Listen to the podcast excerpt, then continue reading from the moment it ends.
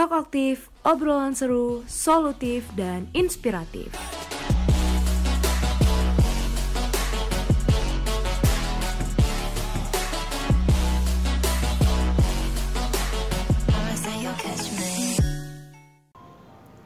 Hi guys, welcome back to Talk Active, fun, solutive, and inspirational discussion.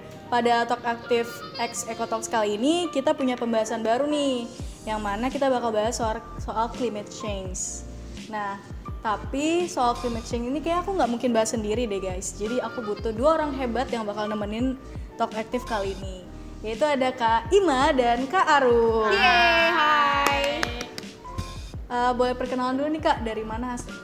Eh, Oke, dari dulu? ya? Oke, Oke, dari eh, jadi aku Imagia sebagai Kepala Divisi Lingkungan Hidup Departemen Somalia BEM FBUB 2019.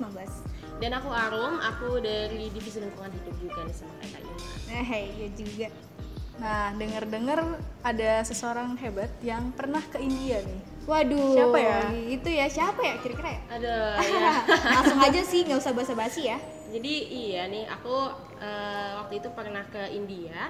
Eh, biar kita lebih kredibel aja kali ya Oh iya, ya kayak wah udah pernah nih Eh, waktu itu aku eh, volunteering di sana Eh, aku kerja di suatu NGO di sana di bagian social and environment di sana. So bisa eh, punya apa ya insight-insight dikit lah untuk ngomongin climate change ini gitu.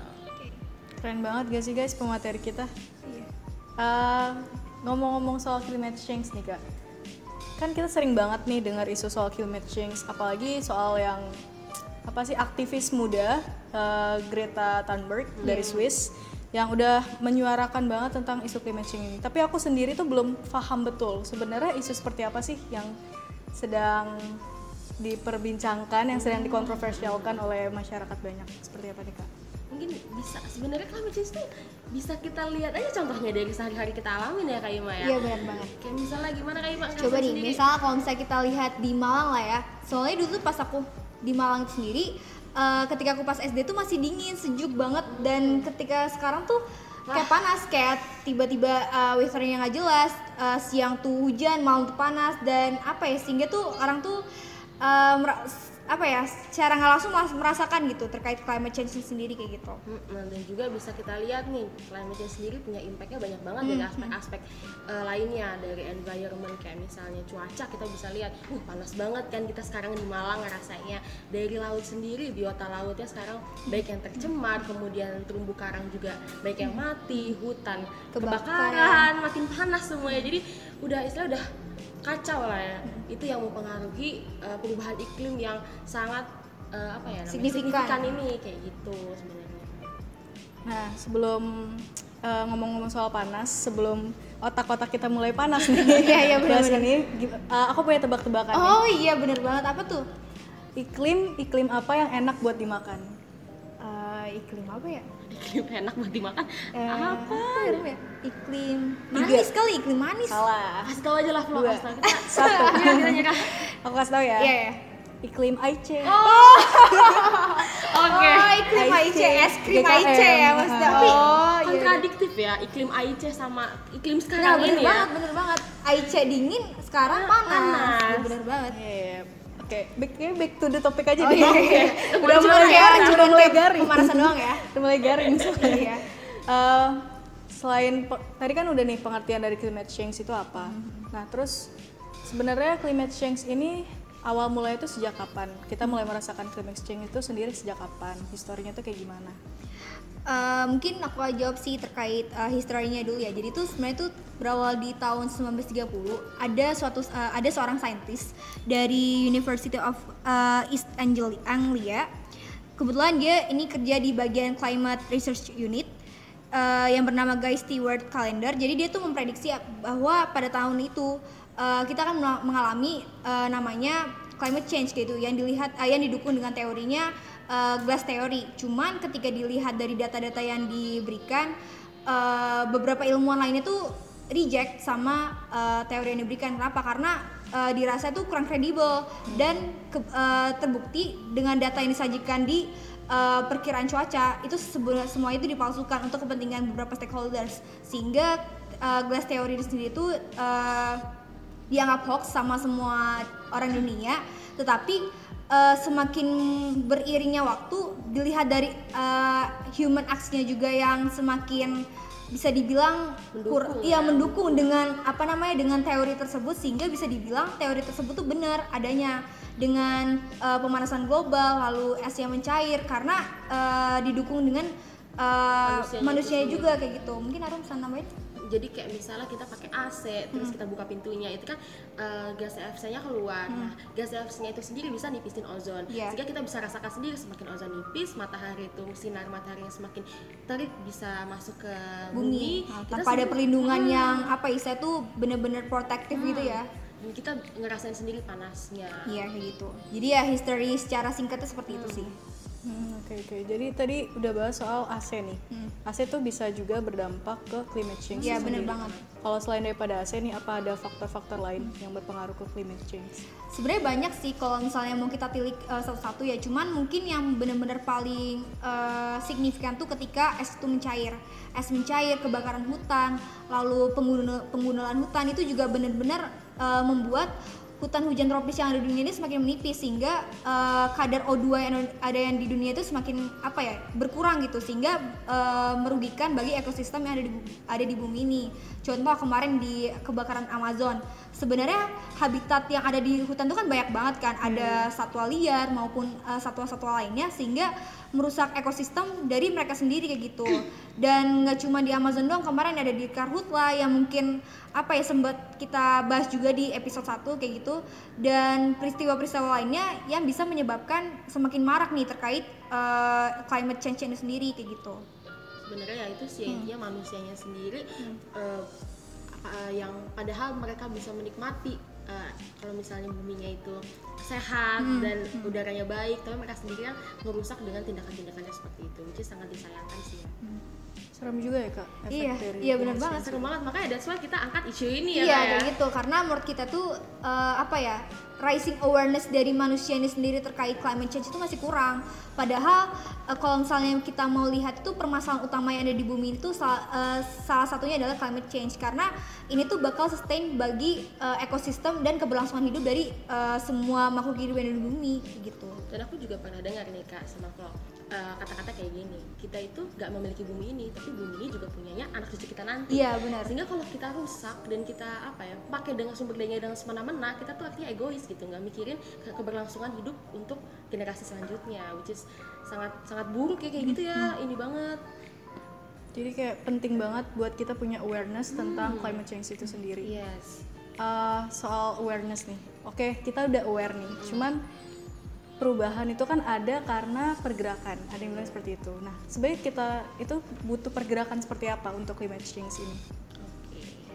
Eh, berbicara terkait movement ya sebenarnya dari UN sendiri atau kita kenal itu PBB ya United Nations sendiri sebenarnya udah meran- eh, be- memiliki beberapa program gitu salah satunya adalah eh, UNDP atau United Nations Development Program di mana mereka tuh menginisiasikan beberapa program yang istilah itu sustain, sustain bagi eh, keberlangsungan eh, makhluk hidup selanjutnya dari eh, program lingkungannya lalu dari SDGs kalau teman-teman tahu Sustainable Development Goals ada 17 poin kan nah itu Iya. salah satunya adalah di poin 15 life on land bagaimana eh, kehidupan di daratan di daratan sendiri dari eh, makhluk hidupnya dari eh, apa namanya kondisi dan ekosistemnya seperti apa sehingga eh, bagaimana caranya di tahun 2030 tuh seluruh goals yang ada di SDGs sendiri itu bisa tercapai kayak gitu.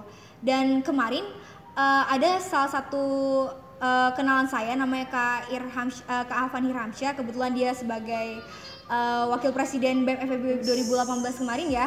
Kemarin dia menghadiri salah satu summit ya Iya, salah, salah satu summit dari uh, UN. Namanya itu uh, kalau nggak salah Social Good Summit, uh, bagian dari General As- Assembly uh, yang membahas terkait climate change. Jadi di situ tuh membahas terkait uh, apa namanya beberapa program yang diinisiasikan oleh uh, UNDP ini sendiri kayak gitu. Nah, uh, mereka sendiri tuh merasa kalau misalnya climate change ini sendiri bukan hanya, uh, sorry, faktornya itu semakin meluas gitu. Misalnya kayak impact dari ini tuh semakin meluas. Uh, berpengaruh pada forest, habis ocean, lalu meningkat menjadi se- sebuah krisis waste management. Sehingga ya kalau misalnya kita melihat dari manajemen sampah di Indonesia ini sendiri maupun di dunia itu tuh masih buruk kayak gitu. Contoh deh di Indonesia. Kita tuh masih terlalu fokus dalam eh, pengurangannya. Oke lah kita mengurangi dengan cara membakar lalu menimbun. Tapi kita sendiri nggak melihat bagaimana cara mengolahnya. Bagaimana mengolah sampah lalu eh, menggunakan barang-barang yang zero waste living itu yang menurut saya menurut eh, mereka itu masih kurang gitu awareness dari masyarakat sendiri. Lalu eh, ini juga berdampak pada gender. Kenapa kita bahas terkait gender? Karena dirasa eh, ketika ini kita ambil contoh aja deh. Ketika sebuah uh, seorang perempuan memiliki is- uh, suami dia bekerja sebagai petani. Tetapi karena weathernya yang gak jelas maksudnya kayak fluktuatif lah kadang panas kadang dingin segala macam membuat uh, mata pencairan terbesarnya itu di ladang pertanian itu menjadi berkurang gitu uh, menurun. Sehingga uh, mau supaya bisa survive uh, sehingga dia tuh harus merantau untuk uh, mencari mata pencarian yang baru. Sehingga meninggalkan istrinya untuk survive di uh, apa ya tuh di tempat tinggalnya sendiri gitu ngurus anaknya terus menghidupi ke uh, hidupnya dia juga kayak gitu. Sehingga ya kalau misalnya uh, akan berdampak bagi uh, perempuannya sendiri kayak gitu. Sehingga dari PBB juga uh, melakukan protection kepada perempuan sendiri dengan melakukan pemberdayaan bagi perempuan-perempuan yang mungkin suaminya merantau untuk uh, mencari mata pencaharian baru. Mungkin Arum ada ini ya uh, semacam uh, Insight. iya insight juga di India. Kemarin dia juga ada beberapa program juga dari UN ya. Mungkin bisa dijelasin? Jadi kemarin waktu aku volunteering di salah satu NGO di Gujarat di India, eh, sa NGO itu kan fokusnya sama environment juga. Dan di India itu eh, di daerah tempat aku volunteering itu banyak eh, pemulung-pemulung wanita yang bekerja malam-malam dan mereka sering dapat masalah gitu. Jadi eh, mereka menjual sampah, sampah ditipu, kemudian mereka tidak dilindungi dan segala macam. Nah NGO aku itu waktu itu bekerja sama dengan UNDP, mereka membuat suatu shelter gitu, shelter eh, kayak center pusat Iya. pengolahan sampah yang juga memberdayakan si pemulung-pemulung wanita itu mereka berikan asuransi kesehatan kemudian mereka eh, berikan eh, peralatan yang layak untuk mereka bekerja sehingga eh, bukan hanya mereka eh, dari program itu bukan hanya bisa memeriju sampah dan eh, melindungi lingkungan tapi juga bisa mengarah kepada pemberdayaan masyarakatnya terutama wanita dan juga bisa mengangkat eh, istilahnya harkat dari pekerjaan si pemulung tersebut jadi kayak semacam gender equality lah ya. Keren banget sih kak yang udah diterapin di India. Iya. Kayak sabi banget sih diterapin di Indonesia juga ya. Hmm, sebenarnya kalau misalnya penerapan di Indonesia sendiri tuh sebenarnya udah cukup marak ke terkait dari UMKM lalu dari LSM ya kalau misalnya kita taunya LSM ya di sini ya. Cuman eh, dari mereka sendiri tuh masih belum apa ya belum ada dampak yang benar-benar meluas kayak gitu. Coba kalau misalnya kita melihat dari Malang lah dari skupnya Malang yang paling kecil lah. Kita melihat dari eh, apa namanya pemulung-pemulung di sini eh, apa ya masih banyak gitu kita temui di pasar besar kita masih Masih eh, lihat. iya masih lihat kayak gitu. Sehingga eh, apa ya kurang adanya eh, solusi dari pemerintah yang benar-benar konkret untuk memberdayakan seluruh masyarakatnya yang pengangguran kayak gitu. Karena sebenarnya permasalahan di apa ya climate change sendiri itu sebenarnya eh, merembet ke mana-mana. Ke permasalahan ekonomi, sosial, politik dan segala macam. Sehingga ya kalau misalnya kita mau mengatasi climate change sendiri eh, itu sendiri kita harus juga mau mem- membenarkan sorry eh istilahnya mencari solusi untuk beberapa faktor tersebut kayak gitu. Iya. Mungkin salah satu aku tambahin juga uh, movementnya ini uh, waktu itu seperti yang Flo juga tahu dan uh, teman-teman tahu Apa tuh? uh, Greta Thunberg. Oh nah, iya, itu iya. keren banget loh kisahnya.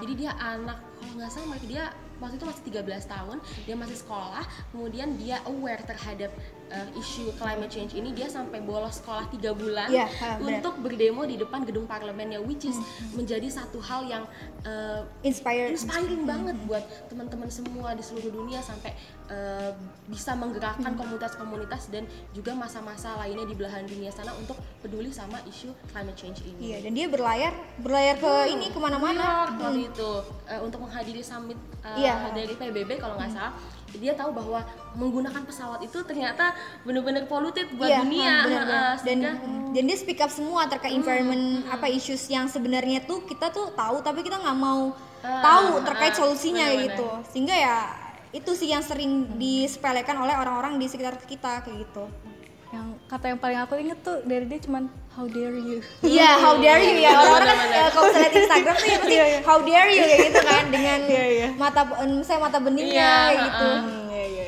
dan dia serius banget sih which is kita emang harus look up to her banget kan kayak anak kecil aja bisa sepeduli itu sama lingkungan gitu loh gimana kita kita harus eh, apa ya istilahnya nyontoh dia lah gitu at least eh, dari apa yang kita lakukan sehari-hari bener banget Tapi denger-dengar kakak-kakak sendiri udah lakukan movement nih buat climate change itu sendiri. Apa aja nih kak? movement dari Aduh, apa jadi jadi nggak enak aja gitu Jadi gini sih sebenarnya ya. kalau misalnya kita karena kita dari divisi lingkungan hidup ya, kalau misalnya kita tidak mau kita cuman terkait edukasi edukasi dan segala macam tanpa action, menurut aku tuh sama jangan bohong kayak gitu sehingga kita melakukan sebuah move- eh, beberapa movement yang kita rasa kita eh, dari movement tersebut bisa mengedukasi secara langsung terkait zero waste living ini sendiri kayak gitu. Contoh kemarin kita lakukan FB tukar kayak gitu. Nah kebetulan Arum ini PJ-nya juga gitu kan. Jadi ya mungkin bisa dijabarkan nih FB tukar gimana MC-nya. jadi salah satu concern kita itu kan bukan hanya kita nge-educate tapi kita harus bisa uh, menggerakkan orang lain juga untuk peduli sama lingkungan nah kemarin itu tema dari FEB Tukar sendiri adalah zero waste living di mana kita pengen banget uh, mengeducate uh, teman-teman KM terutama uh, tentang gaya hidup bebas sampah nah ya, yang kita angkat kemarin itu adalah barangnya uh, stainless straw jadi melalui FEB Tukar ini teman-teman KM bisa menukarkan sampah yang mereka kumpulkan menjadi uh, barang yang kita sediakan itu yaitu stain- stainless straw atau sedotan stainless dan juga uh, sedotan bambu. Nah diharapkan dari acara ini bisa uh, membuat teman-teman sekalian itu yang menerima barangnya dan menukarkan sampahnya ini mengganti atau shifting uh, sedotan mereka dari hal kecil seperti sedotan ke uh, sesuatu yang lebih sustainable. Bayangin, misalnya kita minum lima kali sehari misal. Lima, lim- eh, atau tiga lah tiga. Tiga kali pakai sedotan dikali eh, 100 hari aja ada 300 sedotan. Itu satu orang gitu kan. Gimana kalau 10 orang 100 orang sejuta orang kayak gitu kan.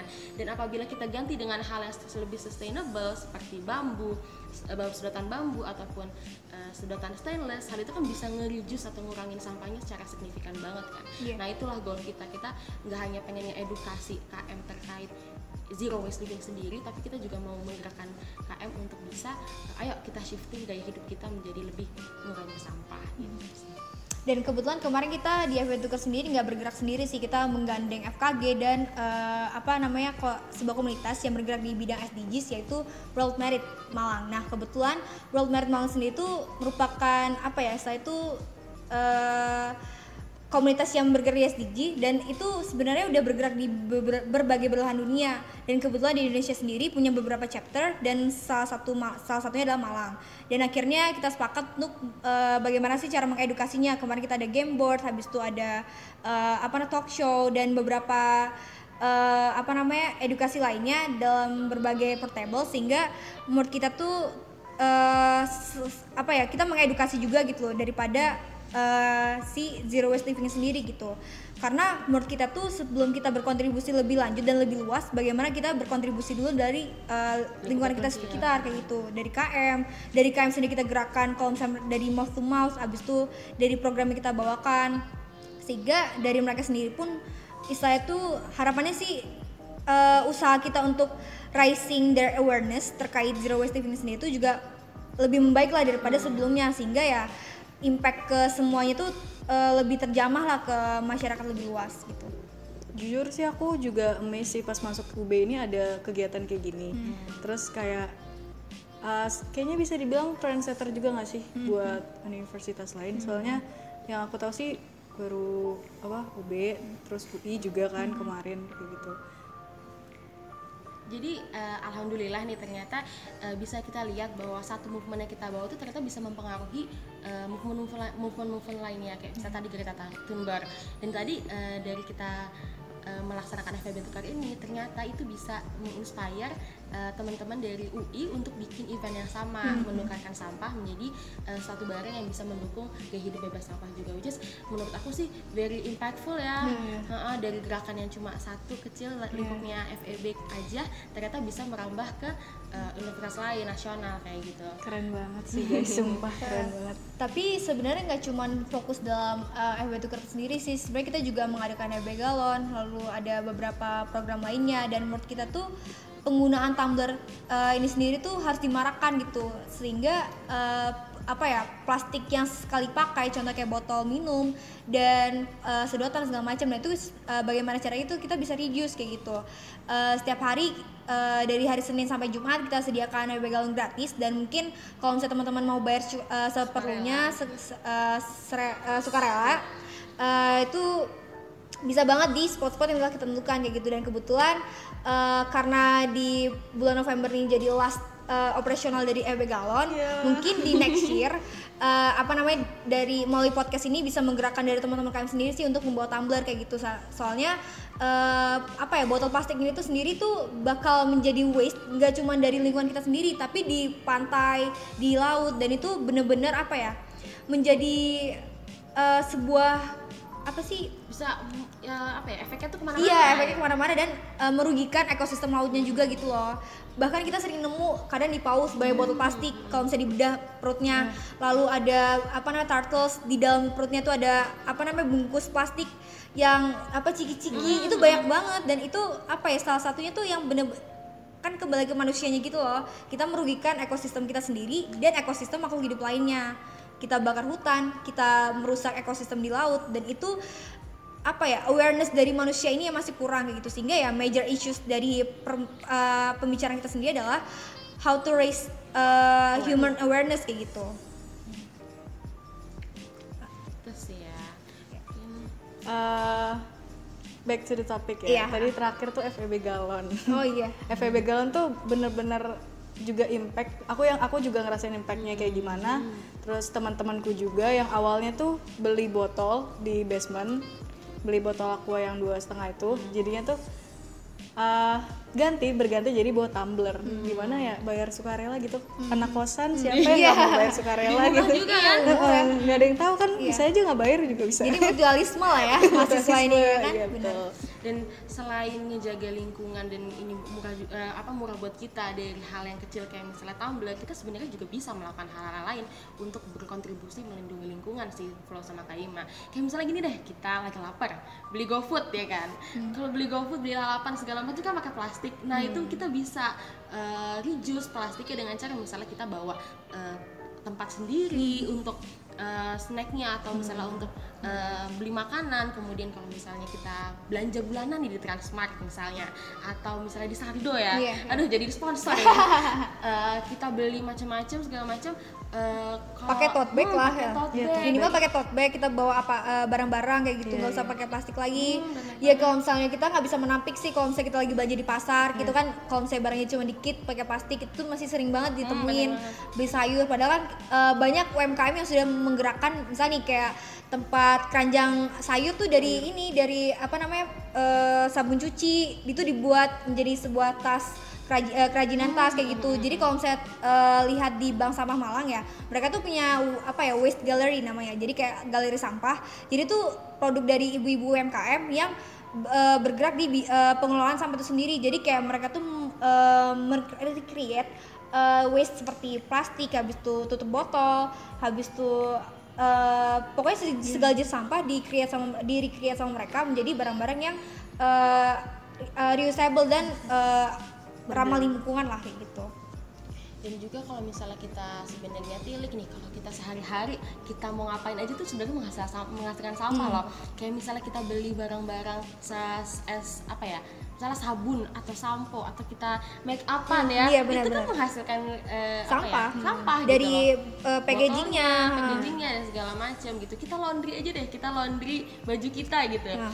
uh, kita laundry seminggu sekali misalnya. Itu plastiknya udah berapa kan? Tumpukan ya kan? Tuh iya. ada plastik yang gedenya iya, untuk iya. ngebawanya sama plastik yang bening itu iya, ya bening yang untuk iya benar. Nah, uh, itu aja kalau misalnya kita kalkulasikan sebulan aja udah berapa sendiri itu satu orang gimana banyak orang kan berapa laundry yang ada di Malang hal kecil kayak gitu sih sebenarnya kita harus aware dan sebenarnya emang nggak mudah ya hmm. untuk totally living no hmm. waste hmm. atau kita bener-bener bebas sampah tuh nggak mudah bisa. tapi ada beberapa ada cara-cara gimana caranya kita bisa ngurangin itu kalau misalnya kita ada niatnya hmm. pasti kita bisa gitu loh untuk nguranginnya kayak misalnya laundry kita pakai tote bag kita belanja kita pakai tote bag kemudian mungkin make up atau pembersih gitu kalau cewek-cewek kan ya. Iya. belinya yang full size atau yang gede biar kita nggak usah kecil-kecil atau sedikit-sedikit gitu ngasilin sampah. Kayak gitu-gitu sih ya kayak Iya bener banget. Dan itu eh, apa ya hidup sekali pak, misalnya kayak sampah sekali pakai itu sih yang seharusnya di, eh, mulai dikurangi dari sekarang. Karena eh, itu benar-benar impactful apa ya impact dari sampah sekali pakai ini yang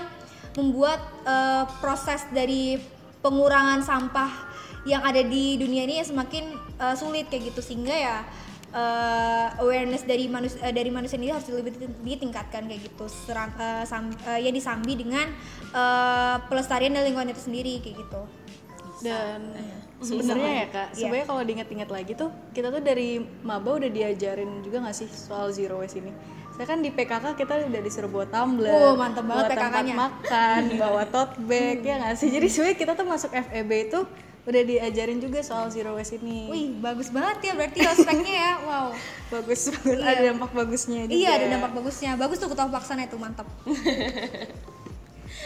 ya harus gitu sih emang ya. Iya. Sebenarnya dari uh, Kecil. uh, dari apa ya saya tuh uh, introduksi secara dini dari kita maba sampai nanti kita keluar pun seharusnya ya uh, apa namanya bisa lah kayak gitu. Dan aku pernah lihat di Instagram di Greenpeace kalau nggak salah Greenpeace atau World Economic Forum ya itu tuh pernah uh, sorry ada satu universitas di dunia dia tuh baju toganya tuh dari sampah. Jadi diolah, dia aku lupa sam- uh, sampai digunakan antara plastik atau apa ya aku lupa itu jadi baju toga itu sendiri itu dari sampah sendiri jadi ya bisa mengurangi pengeluaran mereka untuk eh, apa ya untuk mengadakan toga ya kan to- baju toga dan segala macam dan bisa menye- menyelamatkan lingkungan kayak gitu. Dan itu mungkin bisa jadi inspire apa inspiration ya buat U- dan buat universitas di Indonesia ini sendiri kan iya, kayak bisa, gitu. bisa. iya karena eh, kemarin nih dari EM kemarin lansir terkait jumlah sampah yang dihasilkan di wisuda kemarin itu banyak banget sampai ribuan botol plastik. Dan itu kita lihat dari UB aja re- apa ya, awareness dari mahasiswanya masih kurang bagaimana kita dari segi Indonesia. Karena di Indonesia sendiri pun masih menjadi eh, penghasil sampah terbesar di dunia nomor dua kayak gitu. Ya itu sih misalnya kayak contoh-contoh kecil yang bisa kita apa ya ambil gitu. Sehingga ya setelah kita mengetahui contoh kecil yang ternyata itu terjadi di lingkungan kita sendiri belajar dari belajar untuk kita sendiri sih kayak bagaimana cara awareness untuk diri kita lalu gerakin ke orang sekitar dan uh, mouth to mouth dan akhirnya apa ya nawacita dari PBB sendiri untuk mencapai SDGs-nya di 2030 itu bisa tercapai kayak gitu. Benar banget. intinya sih semua mulai dari kita dulu Iya aja ya benar mulai dari kita dulu sih. Iya iya benar. benar. karena aku juga pernah dengar kutipan nih dengan dengan kata-kata katanya gini "Eh, daripada hanya satu orang yang benar-benar full bebas sampah lebih baik 10 orang yang mencoba untuk bebas sampah jadi lebih meluas gitu lah impactnya Meskipun mereka kecil-kecil, eh, misalnya kayak melakukan hal kecil tapi sustain itu bisa sebenarnya benar banget. Hmm, lebih impactful lah daripada satu orang doang. Jadi niat baru usaha, Iya. usaha nyata ya guys. Iya. Usaha nyata baru tawakal. Iya. Oke oke oke. Nah, nah eh, kita udah belajar banyak banget soal climate change, mulai dari apa sih climate change itu, Hmm. terus faktor-faktor apa yang menyebabkan climate change, terus habis itu eh, movement, Iya, movement apa yang udah dilakukan di dunia, di Indonesia, di Malang itu sendiri, dan juga movement yang perlu kita mahasiswa dan masyarakat sekitar lakukan. Eh, Oke, kita langsung move aja ke segmen selanjutnya segmen kali ya Iya. Segmen bumi mendengar Oh iya. kayak gitu. Eh, nah, gimana kalau misalnya kita lanjut aja nih ke segmen Bumi Mendengar. Waduh, jadi sebelumnya eh, kemarin tuh segmen bumi mendengar tuh udah di apa ya udah di sosialisasikan iya ya udah disosialisasikan di episode sebelumnya kayak gitu dan kemarin responden dari KM ini sendiri eh, cukup bagus kayak gitu ya banyak banget yang eh, merespon ya Kepo. Iya kepo banget nih terkait eh, pembahasan kita tuh apa aja sih kayak gitu. Nah mungkin eh, kemarin udah ada beberapa pembahasan yang datang ke kita ya. Eh, itu mungkin bisa eh, kita bacakan sih. eh, Oke, aku baca ini ya Kak, respon-responnya nih. Yang pertama, solusi untuk perbaikan ozon. Oke, solusi untuk perbaikan ozon. iya Eh, ini mau dibacain semua dulu pertanyaan apa kita jawab satu-satu dulu Mending kayak dibacain semuanya aja kali ya biar nanti Oh, enak boleh, boleh, boleh. ya. Yaudah.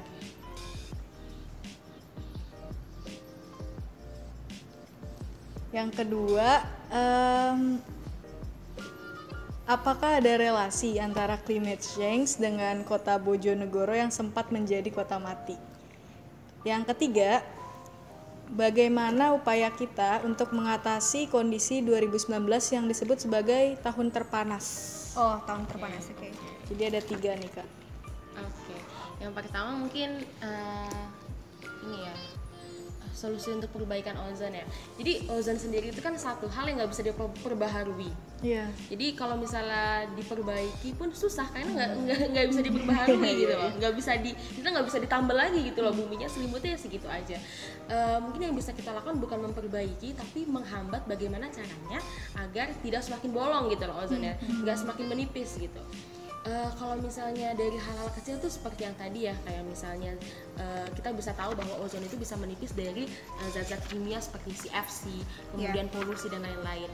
Eh, maka dari itu untuk menghambat ozon itu menipis sendiri kita boleh nih eh, kita harus nih mengurangi eh, apa pemakaian zat-zat yang seperti eh, CFC, polusi kayak gitu. Untuk apa? Biar ozonnya itu nggak semakin menipis. Kayak misalnya kita bisa eh, meng-shifting AC jadi kipas angin mungkin, Bisa, kemudian mengurangi polusi kita eh, better untuk jalan kaki atau pakai sepeda dibandingkan eh, apa naik mobil atau naik gojek gitu kan untuk jangka pendek-pendek aja. Sebenarnya dari hal-hal seperti itu sih untuk eh, apa yang menghambat si ozonnya itu untuk menipis. Dan eh, hal ini pun eh, kelihatannya kecil ya tapi kalau misalnya dilakukan secara meluas eh, insya Allah sih akan bisa impactful kayak gitu. Nah terus terus eh, untuk mengurangi zat-zat kayak gitu juga zat-zat beracun yang menipiskan ozon ini kita bisa menanam kembali pohon-pohon nih. Jadi reboisasi untuk eh, si pohon-pohon ini bisa menyerap karbon dioksida yang dihasilkan oleh polusi dan eh, meng- apa ya meng- menghasilkan oksigen kayak gitu sehingga karbon dioksida nggak nyampe ke ozon terus Kak Ima tadi mau nambahkan Nah, jadi kebetulan tuh eh, ada hari besar yang memperingati terkait ozon sendiri. Kemarin tanggal 16 September tuh adalah Hari Perlindungan Lapisan Ozon Sedunia.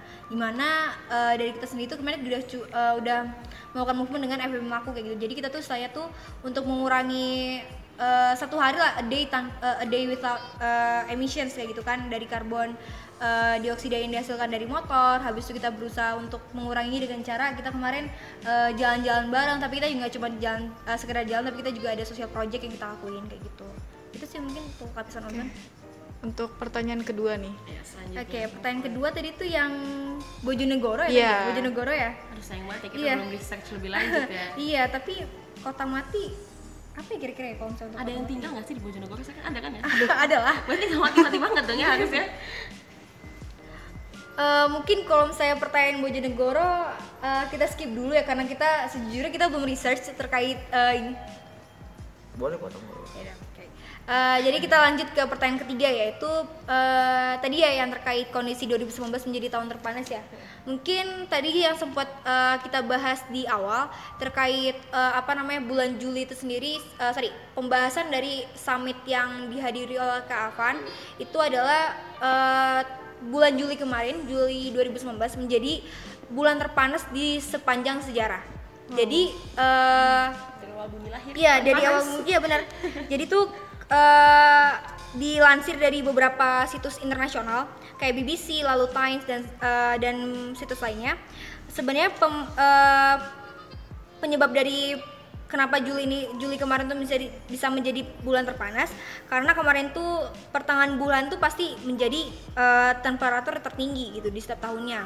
Eh, di mana eh, kebetulan karena climate change ini sendiri semakin ma- semakin kon, misalnya kondusif dalam tanda kutip ya Iya. kondusif lalu eh, akhirnya bisa menjadikan Juli ini sebagai pertengahan bulan menjadi temperatur tertinggi di sepanjang sejarah lalu yang kedua eh, angin El, eh, El Nino ya El Nino. Eh, mungkin kalau teman-teman tahu El Nino nah di El Nino sendiri tuh kemarin bertiup di Pasifik dan eh, udara yang diti- eh, udara yang berhembus ada udara yang di- eh, hangat kayak gitu sehingga eh, weather hangat ini sendiri tuh impact ke semua belahan dunia kayak gitu Lalu eh, kembali lagi sih eh, the main eh, the main issues dari penyebab ini adalah climate change kayak gitu. Sebenarnya ya kembali lagi sih jawabannya adalah climate change itu sih. Oke oke. dan cara mengatasinya Iya, ya itu dari dia. kita sendiri Iya, itu iya, lagi betul, balik betul. lagi Balik lagi dari kita sendiri lagi nih. Eh, makasih ya kakak-kakak atas jawabannya yang udah mengedukasi kita tentang climate change itu sendiri. bisa berdampak lah ya ke teman-teman yang ada. Pesan-pesan boleh pesan-pesan. Oke, Arum, Kayak gimana? Arum dulu Arum. Oke, mungkin pesan dari aku sih eh, aware aja sama hal-hal sehari-hari yang kita lakuin, betapa kita sebenarnya udah menghasilkan sampah. Dari hal itu kita memiliki tanggung jawab moral aja sih sama diri kita dan sampah yang kita hasilkan itu, sehingga eh, bergerak dari tanggung jawab dan kesadaran itu eh, bisa menghasilkan suatu action atau movement dari diri kita sendiri dan bisa impactful ke yang lain. Oke, mungkin kembali lagi ke diri kita sendiri sih, bagaimana dari kita sendiri juga bisa raising awareness dan mau mau dan mampu menggerakkan orang di sekitar kita gitu. Sehingga ya action dari kita sendiri itu nggak sia-sia dan eh, harapannya bisa eh, mendukung dari setiap program eh, yang program yang bergerak di bidang lingkungan ya eh, bisa terrealisasi dengan baik. Sehingga ya eh, saling bantu lah satu sama lain biar eh, karena yang hidup di- dia kembali sih tadi quotesnya Arum yang tinggal di yang tinggal di bumi itu bukan cuma manusia doang tapi masih ada eh, Generasi berba kita. iya eh, anak generasi cucu kita. iya anak cucu kita nanti gitu jangan nangis dulu mohon maaf Iya, iya. Mau sedih sih kalau ngeliat Iya sih, bumi sekarang udah kacau Aduh, banget. kacau banget ya Udah, itu aja sih Nah, seperti biasa nih, kita bakal tutup Talk Active X Eco Talks kita dengan jargon. Silakan yang Kak dipimpin oleh Kak Ima. oh aku ya ya ampun Aduh, oke Eh, Eco Talks Bersuara demi lingkungan lestari.